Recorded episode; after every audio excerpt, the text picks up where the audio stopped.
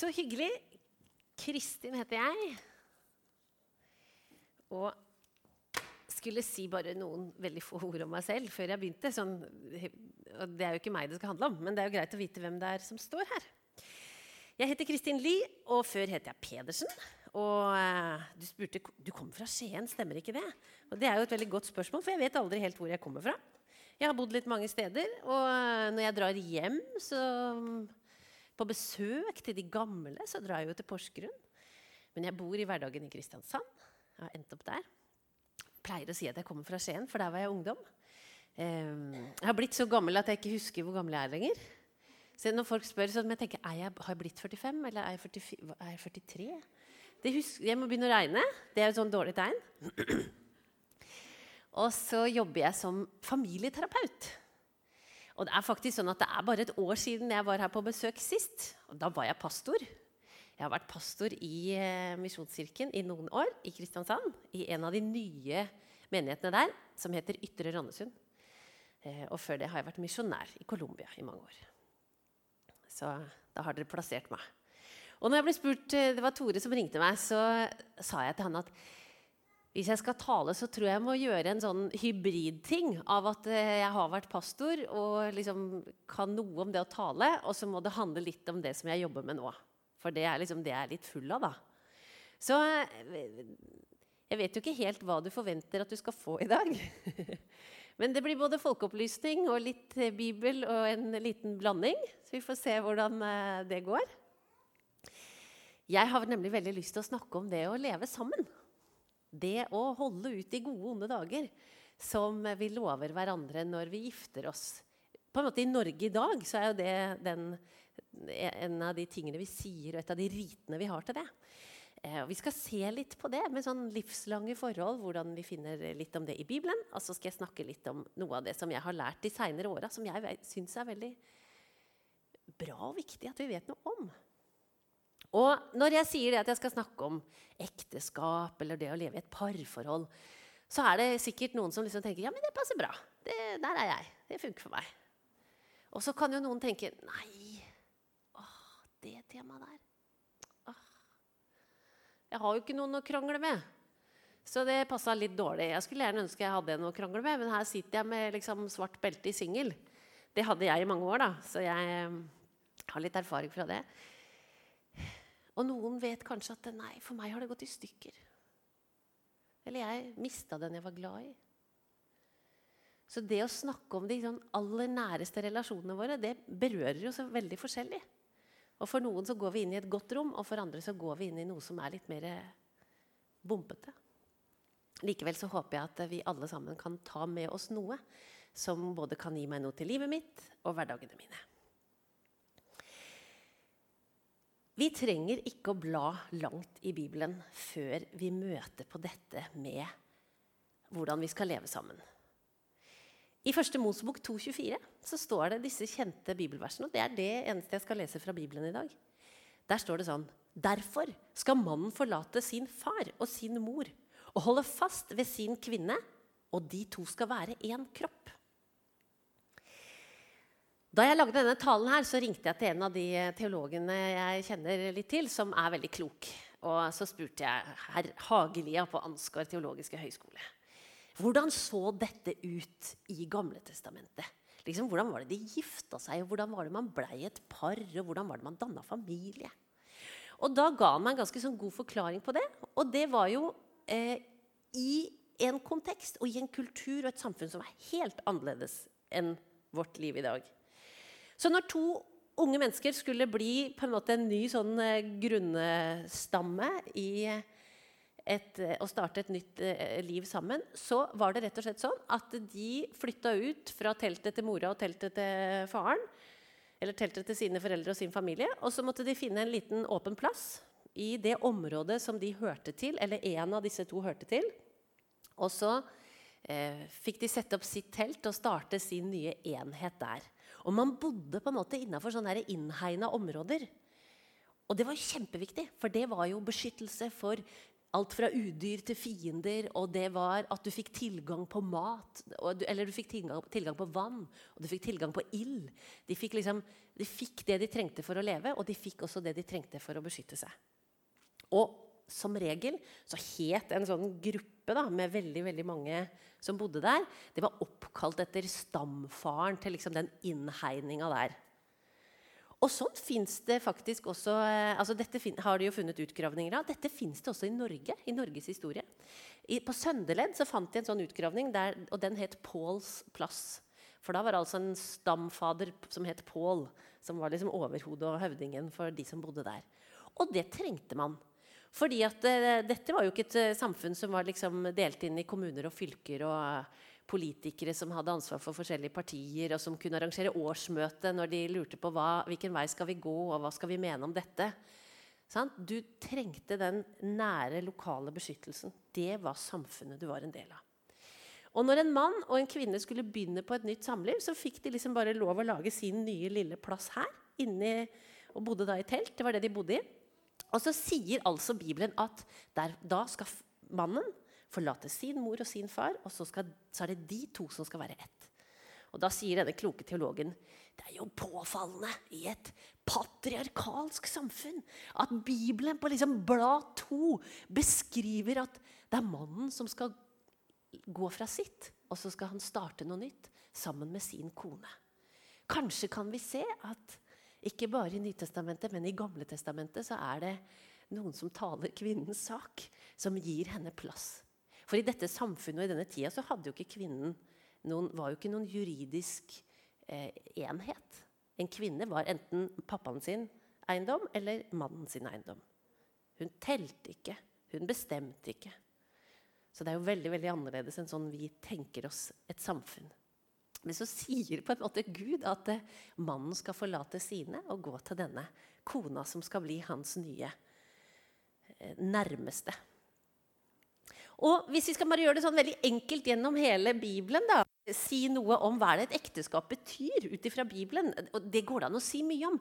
Men da eh, kan vi tenke at det er på en måte den, den den måten vi skulle, eller de skulle føre slekten videre. De skulle lage barn, de skulle bli flere. De skulle hele tida kunne utvide sitt territorium og, og, være det landet og den nasjonen som vi gjennom hele Gamletestamentet kan lese at Gud hadde jo en plan. Han ønska at noen skulle føre fortellingen om han og relasjonen til han videre ut i verden. Og så kan vi tenke at Helt fra fortellingen om Ada og Eva så har Gud innstifta ekteskapet som en måte å gjøre mennesket mindre ensomt på. Vi skal få lov å høre sammen med noen. Vi skal få lov å ikke være aleine i dette livet. Og eh, hvis du er vant til å lese i Bibelen, så har du kanskje også sett det at ekteskapet er på en måte et av de vakre bildene på hvordan Jesus snakker om sin relasjon til menneskene. Han snakker om sånn som en mann elsker sin kone. Sånn er det jeg forholder meg til verden, til alle menneskene. Det er så nært, det er så intimt, det er så kjærlig. Så ekteskapet er også et veldig vakkert bilde på den relasjonen som Jesus ønsker å ha til oss. Og så går det jo mange Dette er jo ikke noe dypdykk, dette er bare sånn hopp og sprett. Hvis vi da blar fram til Nytestamentet og har liksom denne, denne, lille kunnskapen i bakhodet, så var det sånn at når Jesus levde og gikk rundt, så underviste han, han forkynte, og han gjorde tegn og under. Og det fulgte alltid masse mennesker med ham. Og når han var steder, så var det jo også veldig ofte noen av de som var mot han, og de som var litt sånn De var bare klare til å finne noe å ta han på og ta han for. Og en typisk sånn situasjon skjer, og det kan vi lese om i Matteus 19 eller Markus 10. Og der kommer fariseerne. Jesus har, han har talt masse, han har møtt mange mennesker, det er mange som har blitt helbreda. Det har måtte, skjedd mange ting. Og så står fariseerne der, og så sier de Ja, nå lurer vi veldig på hva du mener om ekteskap og skilsmisse. Er det lov, eller er det ikke lov å skille seg? Og egentlig så er det jo bare disse mennene som prøver å sette Jesus på prøve. Fordi at i den jødiske kulturen som da hadde utvikla seg Da har vi liksom flytta fram til en tid hvor samfunnet var veldig annerledes. De bodde ikke lenger i telt. De reiste ikke like mye rundt. Det var byer, det var samfunn som var mye mer etablert. Og så var det sånn at denne ideen om at en mann og en kvinne skulle få lov å bli en enhet, og de skulle holde sammen livet ut, det var en veldig høy verdi i det jødiske samfunnet og den jødiske kulturen. Man skulle på en måte ikke bryte ekteskapet. Men i 5. Mosebok så åpner det, det en, så, så gir loven en slags åpning for at det er lov å skille seg. Og da står det faktisk sånn eh, at mannen har lov å skille seg hvis han ikke lenger bryr seg om sin kone. Da må han gi henne et skilsmissebrev. Det står i 5. Mosebok 24. Og dette var jo ikke sant, dette var jo snacks for sånne som liker å tviste og vri og finne ut av hva betyr det Hvordan skal vi tolke det? Og Da hadde det utvikla seg måte, to forskjellige skoler, eller to retninger. Og da var det noen, De konservative de mente at det er kun én, én eneste grunn i verden som tillater det, og det er hvis det er utroskap inne i bildet. Da skjønner alle at måte det går an å si dette er slutt. Det er lov. Men så var det en annen skoleretning som hadde litt sånn andre meninger krydra inn i det her. Og de hevda da det at eh, det at en mann plutselig ikke lenger brydde seg om sin kone, det kunne bety veldig mange ting. For eksempel hvis hun svidde maten. Hvis hun gikk med håret løst. Det hadde jo vært litt vanskelig for meg å ikke gå med det løst. Hvis hun snakket stygt om mannens familie. Hvis hun kommuniserte med menn på åpen gate Og hør på denne, det er den beste. Hvis hun var en høyrøstet skravlebøtte. Og høyrøstet skravlebøtte det hadde en definisjon. Det var alle de som snakka så høyt at det kunne høres i nabohuset. Jeg tror jeg hadde ligget dårlig an, for å si det sånn. Og så var jo greia at det, på en måte, denne retningen hadde jo vunnet mest territorium i samfunnet. Og det som da skjedde når det blei på en måte veldig lett å skille seg, fordi at du kunne putte en eller annen av årsakene inn i disse kategoriene, så var jo dette et veldig dårlig system for kvinnene. Kvinnen blei skalta og valta med som mannen ville. For hun hadde ikke rett til å skille seg. Det var bare mannen som hadde rett til det. Og hun var jo prisgitt på en måte bare det som skjedde. For familien var jo velferdssystemet. Og så er det egentlig sånn at Når Jesus om, når Jesus tar fram dette bibelverset og sier derfor skal mannen forlate sin far og sin mor, så er det egentlig en gjeng med fariseere som står rundt han, og så sier de ja, er du liberal eller er du konservativ? Nå er vi veldig spente på hva du skal si. Hvis, og de visste jo det. Sånn var det alltid. Hvis han sier det ene, så kan vi ta han på det andre. Og hvis han sier det andre, så kan vi ta han på det ene. Og Jesus gjør jo det han alltid gjør. Han svarer jo ikke sånn som de forventer. Så han sier ja, men det er jo ikke dette det handler om. Det er ikke godt når mann og kvinne skiller seg. Han snakker om at vi har fått harde hjerter. Han snakker om at det er ikke egentlig sånn idealet skal være. Idealet er at vi skal være trofaste mot hverandre og hjelpe hverandre til å leve sammen gjennom et liv. Og Når disiplene hører det, hvor på en måte høyt egentlig Jesus setter den standarden Han sier at ja, det er bare pga. deres onde hjerter at det går dårlig. Da blir de skikkelig mismodige, og så sier de nei, da tror jeg, da tror jeg bare vi i menneskeheten får la være å gifte oss, for dette får vi ikke til. Og For meg er det litt trøst da, at det var like slitsomt for disiplene å høre det der som det på en måte kan være for oss. Fordi vi, fordi vi nettopp vet at dette berører oss så forskjellig. Og fordi noen har opplevd at ja, jeg fikk ikke det til. Ja. Hvis vi blar litt lenger fram i Bibelen, så kommer vi til efeserne. Og det er det siste jeg skal si om akkurat det. Og da dra, bruker Paulus de samme ordene. Og da har på en måte ekteskapskulturen utvikla seg enda verre. Da har på en måte det der liberale mot konservative blitt enda mer utvida. Og i den greske kulturen som Paulus var en del av, så var det sånn at på en måte mennene hadde rett til å ha ganske mange damer i livet sitt. Kona skulle føde barn, og elskerinnene skulle liksom bare være for gøy. Og så sier Paulus det samme som Jesus sier. Og så tenker jeg at vi kan på en måte se at det, han heier på at kvinnen skal få lov å ha et stabilt og godt liv. Han heier på at noe skal være forutsigbart og trygt for oss mennesker. Og han ga kvinnen en stemme som de faktisk ikke hadde i den tida. Dette er bakteppet som jeg hadde lyst til å begynne med. Og så skal jeg fortsette med å snakke om noe, bare noe av det derre som jeg tror vi alle bare må innrømme, om vi lever alene eller lever sammen med noen, så er det jo noe som gjør det veldig vanskelig. Dette er jo ikke lett. Altså Hadde det vært lett, så hadde vi gjort det. Hvorfor er det da sånn at dette er noe vi strever med på ulike måter?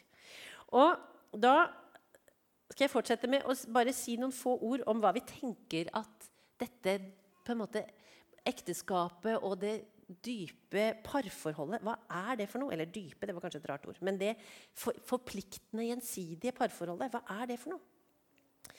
Eh, for Gjennom alle tider og i alle slags samfunn så har de jo hatt denne samfunnsmessige oppgaven med å være en juridisk ordning. Det har vært en, eh, en, på en, måte en beskyttelsesfaktor. Barn skal få lov å vokse opp i en familie. Det er grunncellen i et samfunn, vil mange si. Eh, og så tror jeg at hvis, hvis, vi skulle si noe om hva vi tenker om parforhold og kjærlighet, og sånn, så blir vi veldig sånn romantiske og lyserosa, eller i hvert fall mange av oss damer. da, eh, på en måte rett bak øyelokka og tenker sånn Ja, det er følelser, og det er forelskelse, og, og det er Hollywood. Sant? De får hverandre til slutt, og så rir de lykkelig inn i solnedgangen. Og så, og så har vi jo faktisk om vi liker det eller ikke, en sånn litt rar forventning om at det er det det er å leve sammen. Og hvis vi gløtter inn i hverdagene våre, så tror jeg de fleste av oss vil si at litt langt fra der, kanskje. Det finnes en dame i Norge som er veldig klok på dette. Hun heter Sissel Gran. Og hun sier at Jeg liker å snakke om dette. At parforholdet det er faktisk ikke bare en juridisk, men det er en følelsesmessig kontrakt. Hvor du og jeg binder oss til hverandre. Og på en måte denne kontrakten den har to paragrafer. Og Den ene den handler om at jeg skal være din trygge base. Og på en måte ta deg imot. Jeg er, jeg er den du kommer hjem til. Og den andre det er at jeg er også den som er heiagjengen din. Så når du går ut i verden, som vi gjør hele tida, altså ut på jobb, ut og gjøre alle tingene vi skal, så er jeg den som står bak deg og, og heier og sier 'kom igjen'. Dette klarer du. Kanskje noen av her jobber med eh, det kan være mange forskjellige jobber da, men kjenner til noe som heter COS, Circle of Security, så vil dere kjenne igjen de begrepene der. at det er, det er, nemlig vår oppgave når vi får barn. Det er at vi skal sende dem ut i verden. Og så skal vi ta dem imot hver gang de kommer til oss og trenger vår emosjonelle støtte. Og Egentlig er det sånn for oss når vi er i et parforhold òg.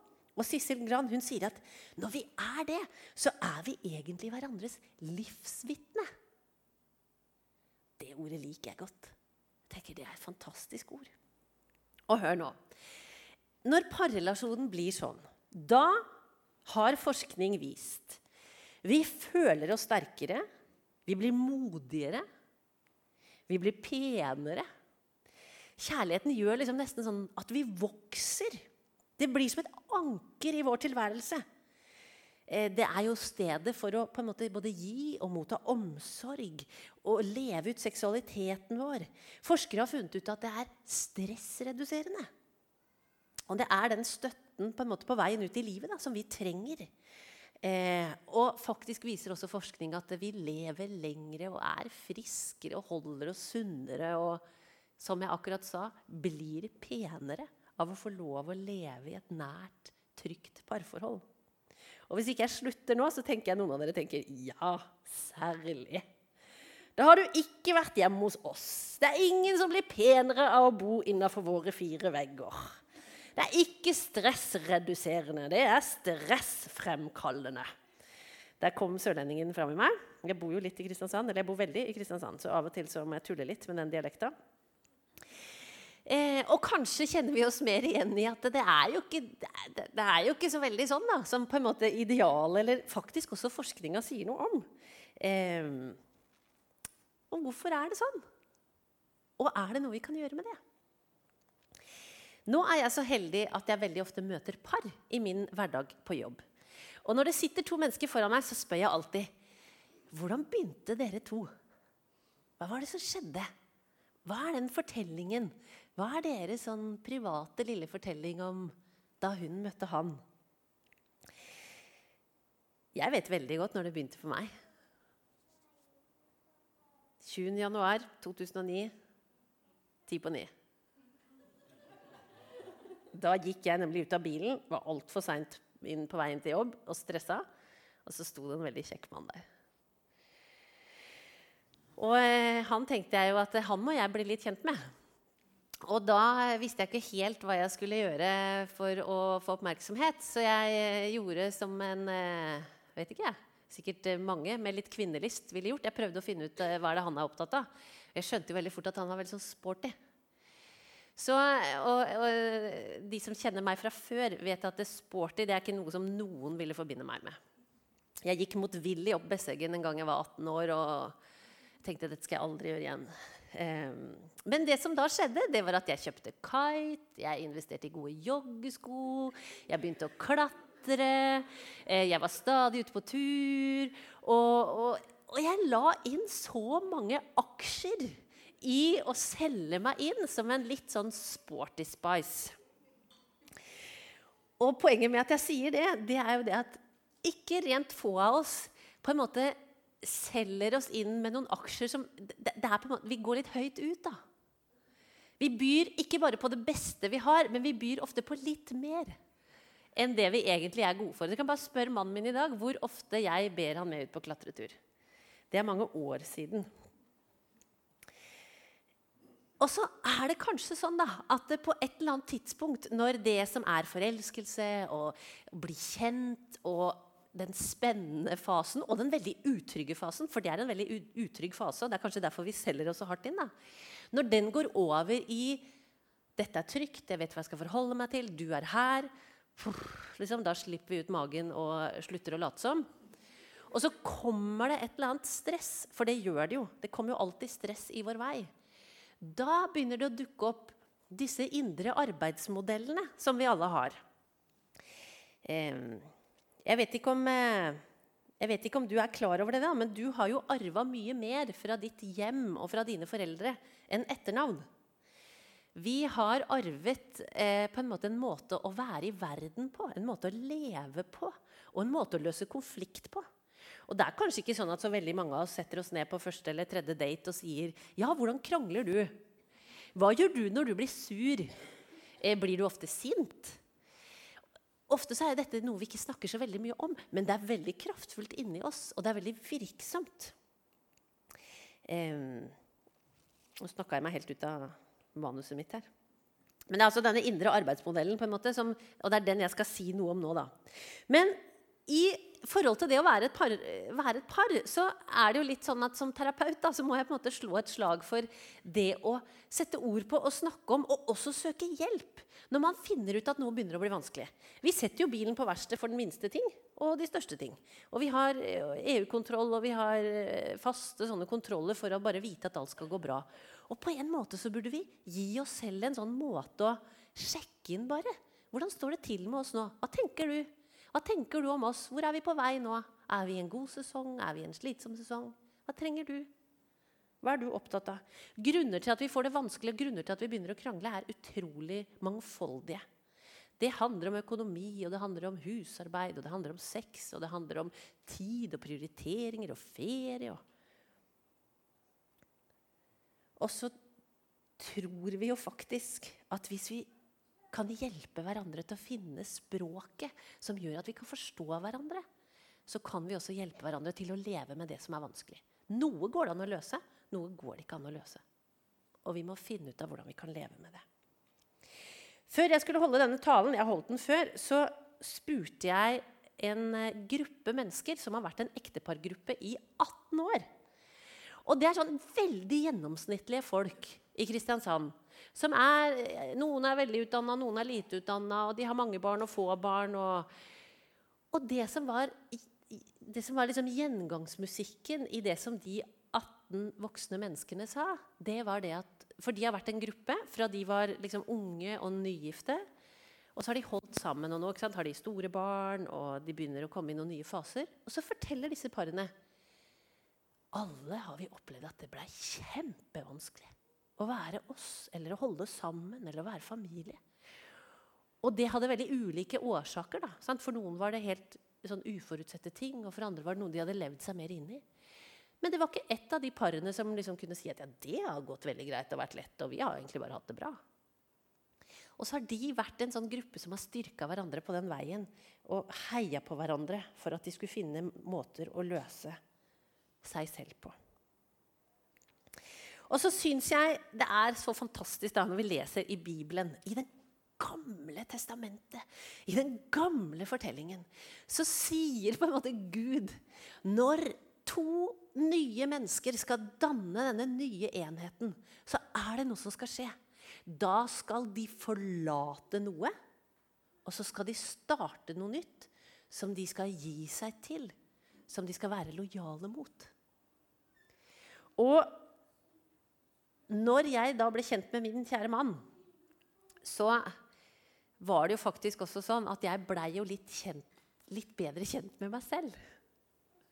Og skjønte på en måte at, det, at det, det, er jo mer inni her enn det jeg egentlig på en måte var klar over at var her. Og det som denne nære relasjonen også har på en måte tvunget meg litt til, det er å jobbe litt med hva er det jeg, er det jeg gjør? Og vil jeg være sånn? Vil jeg ikke være sånn? Hva er det jeg har lært hjemme som jeg egentlig ikke har lyst til å ta med meg videre? Nå sitter jo familien min her, da, så det er jo litt sånn kleint å snakke om det her. Jeg skal ikke komme med noen skumle hemmeligheter. Men det finnes jo måter å møte utfordringer på som jeg tenker nei, det passer ikke så godt for meg. Eller det må vi gjøre på en annen måte. Og hva er det jeg har lært hjemme som jeg tenker det var bra? Det vil jeg ta med meg videre, men som en, som en sånn del av grunnkomponenten i dette nye som vi skal lage. Så da har jeg sagt vi har med oss mer enn etternavn fra bakgrunnen vår. Eh, vi har med oss eh, indre arbeidsmodeller. Og Karsten Isaksen han sa jo det veldig tydelig til det norske folk for mange år siden.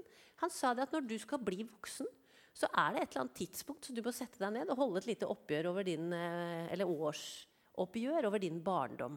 Og på en måte finne ut av hvordan var det, hva skjedde, hva ble det? Hva må, og sette strek og begynne på nytt. Og begynne på ditt voksne liv. Det trenger vi å gjøre for å bli voksne, selvstendige mennesker. Jeg tenker Det er et ganske klokt råd av den nå avdøde Karsten Isaksen. Og så skal jeg si noe da som jeg alltid syns er litt gøy å snakke om. eller si noe om. Og det er jo eh, dette da med hvordan vi på en måte takler stress og uenighet og krangling. Og, og jeg vet ikke om dere krangler i Porsgrunn, eller om det er noe som bare skjer på Sørlandet. Men forskere da, de har jo de har satt seg ned og forska litt på hva er det vi mennesker gjør når vi krangler. Og så har de kategorisert det i fire grupper. Så nå tenkte jeg at jeg skulle gi dere et sånn kort, enkel beskrivelse av hva som er typisk når vi krangler. Og dere skjønner jo når jeg skal si det at det handler jo ikke bare om et ekteskap. Det handler om alle relasjoner vi er nær i. Og det handler om foreldre-barn. Og det handler om de som er foreldre over oss, som vi også har levd med. Og da er det sånn da, at de har funnet ut at en måte som veldig mange krangler på, det kaller de for opptrapping. Og nå vet jeg ikke, Har mange av dere sett den re reklamen der det kommer en hjem og har glemt å kjøpe ost. Ost er ikke bare ost. Sant? Dere ser for dere det scenarioet der. Jeg tenkte vi skulle bruke det som sånn eh, eh, modell for å forstå hvordan denne kranglinga kan utvikle seg. da. Og da kan vi tenke oss at han har vært ute og skulle handle, og hun har ropt idet han går 'Kjøp med deg ost!' Og Så kommer han hjem, og bæreposene fulle, setter det ned, de begynner å pakke ut. Og der er det ingen ost. Og for de da som er i liksom den der opptrappingskategorien, så det, da kan det typisk se ut litt sånn som det her. Nå får dere bare holde for ørene hvis dere er lettskremte. Hvor er osten? Glemte du å kjøpe ost? Hæ? Har du ikke kjøpt ost? Det nytter ikke lenger! Og så går det på en måte da fra veldig lite til veldig kraftfullt. Utrolig fort. Og de som ikke har det sånn, men stadig er vitne til dette, de blir stående litt sånn på utsida og tenke Hva var det som skjedde nå? Og det de som kan ha det litt sånn, sier, det er at det er ofte på toppen For det er en trapp. ikke sant? Man løper opp. Derfor heter det opptrapping. På toppen av den trappa kan du si ganske kraftige ting. 'Jeg orker ikke dette mer. Jeg skiller meg. Jeg flytter i en annen by.' Altså, det nytter ikke, det her. Det var opptrapping nummer én. Nummer to det er det som heter tilbaketrekning. Den er jo ikke så gøy å lage drama. Men det er jo de som på en måte enten bare går, forsvinner, når noe blir litt vanskelig, eller forsvinner selv om de sitter der og er til stede, men bare er ikke tilgjengelige. Sånn at det, eh, hvis, du vært, hvis, du har levd nær det, så tror jeg du vet veldig godt hvordan det er. Sant? Noen har det jo sånn at idet liksom stemningen stiger, og osten det er kommet fram på bordet Vi vet det, osten er ikke med! Sant? Jeg går ned i kjelleren. Dette blir litt hett. Eller du sitter der rundt et bord, og stemningen stiger, og det begynner å bli ubehagelig, og så er det akkurat som noen får en osteklokke nedover hodet. Du får liksom ikke tak på dem. De forsvinner. Det er tilbaketrekning. Den kan være fysisk, og den kan være mental. Så er det da en eh, kranglestil som de kaller for nedvurdering. Og den er jo frekk og frimodig. Samme scenen. Kommer hjem, har glemt å få med seg osten.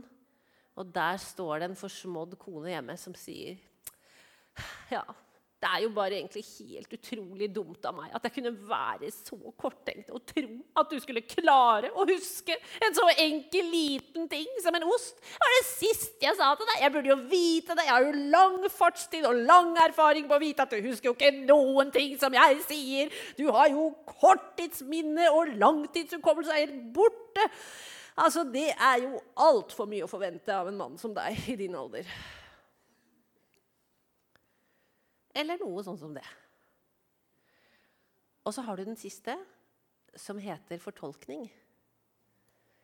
Og det er når hun sitter hjemme og oppdager til sin dype fortvilelse at mannen kommer hjem uten ost og sier 'Jeg visste det!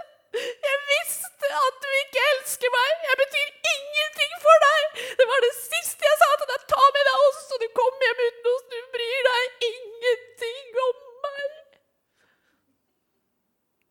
Ja. Litt overdrevet, kanskje? Men vi kjenner det jo igjen. Hvem har ikke sittet foran TV-skjermen og ledd av parterapisnuttene? Har dere fått med dere de? Altså Hvis ikke dere har sett de, så har dere noe veldig morsomt å gå hjem og se på TV. Det ligger ute på NRK. Der har jo han eh, komikeren altså Han har bare laga dette i sine verste former. Den kjempe kjempekrenkbare mannen som liksom som Samme hva hun sier. Er det greit, det? Skal vi slutte? Skal vi gå? Altså, det, det blir, alt blir feil, samme hva som skjer. Gå hjem og se på parterapi. Eller gå hjem og spør hva er det vi gjør når vi krangler. Og kanskje dere vet det, og kanskje dere har snakka om det. Men da går det jo også an å spørre åssen er det for deg når jeg blir så sint?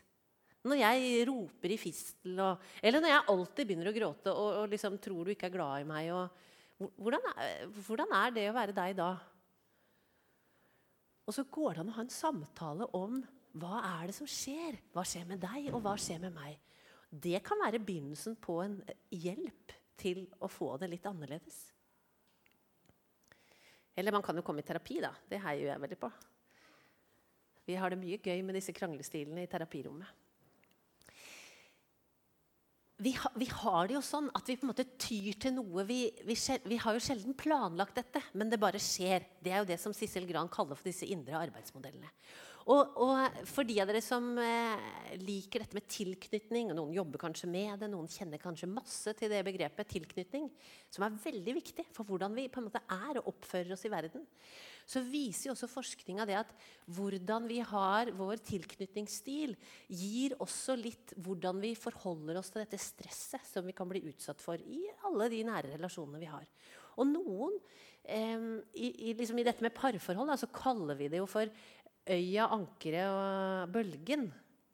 For å bare gi det et sånn lite mentalt bilde, for at du skal forstå hvordan det ser ut. Og mange mennesker har det litt sånn som eh, at du kan tenke at du er som et anker. At når stormen kommer, så ankrer du opp, og så ligger du rolig, og så tar du imot. Og så tenker du at vi har vært ute i stormer før, det går over, og vi trenger litt tid, og så må vi liksom finne på et eller annet. Og, men, men det går bra.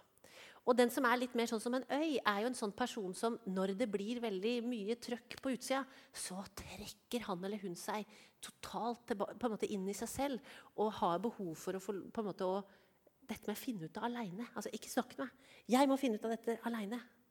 Mens den som er en bølge, er helt motsatt. For bølgen sier bare 'Hvem er det som kan hjelpe meg nå? Jeg trenger noe fast som jeg kan slå mot.' Og Det som kan være krevende, det er grunnen til at jeg sier det. Det er jo det at hvis en øy er gift med en bølge, så, så, så, så framprovoserer man hverandres stressreaksjon. Og da er det jo ikke fordi det er noe galt med den ene eller galt med den andre, men det er viktig å finne ut av hva er det som skjer mellom oss når akkurat dette skjer. Og hva er det vi kan gjøre for at det skal skje litt mindre? Eller bli mindre farlig? Sånn jobber jeg med nå, da. Det er min nye jobb. Og sniker det inn når jeg blir bedt om å tale i, i uh, Porsgrunn misjonskirke. En kjent forfatter og mann som heter Tim Keller, han har sagt å være elsket uten å være kjent, det er ganske overfladisk.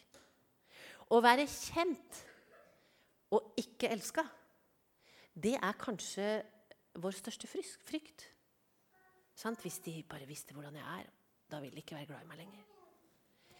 Å være både elska og kjent, da sier Tim Keller først og fremst er det nåde.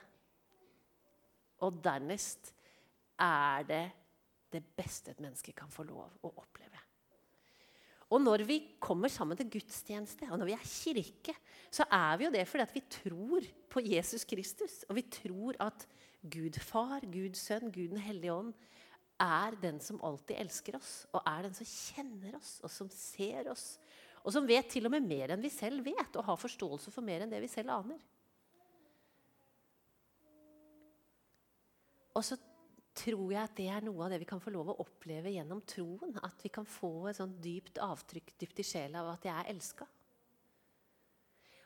Og så heier jeg på når vi er sånne forsamlinger som menigheter er, at vi skal være et sted hvor vi skal gjøre det litt lettere for hverandre å leve dette livet. Det er mange nok dager som er krevende. Det er mye nok som er vanskelig. Hjelp, la oss hjelpe hverandre til å, til å hjelpe oss. Ja, jeg tror jeg slutter der, jeg. Ja. Amen.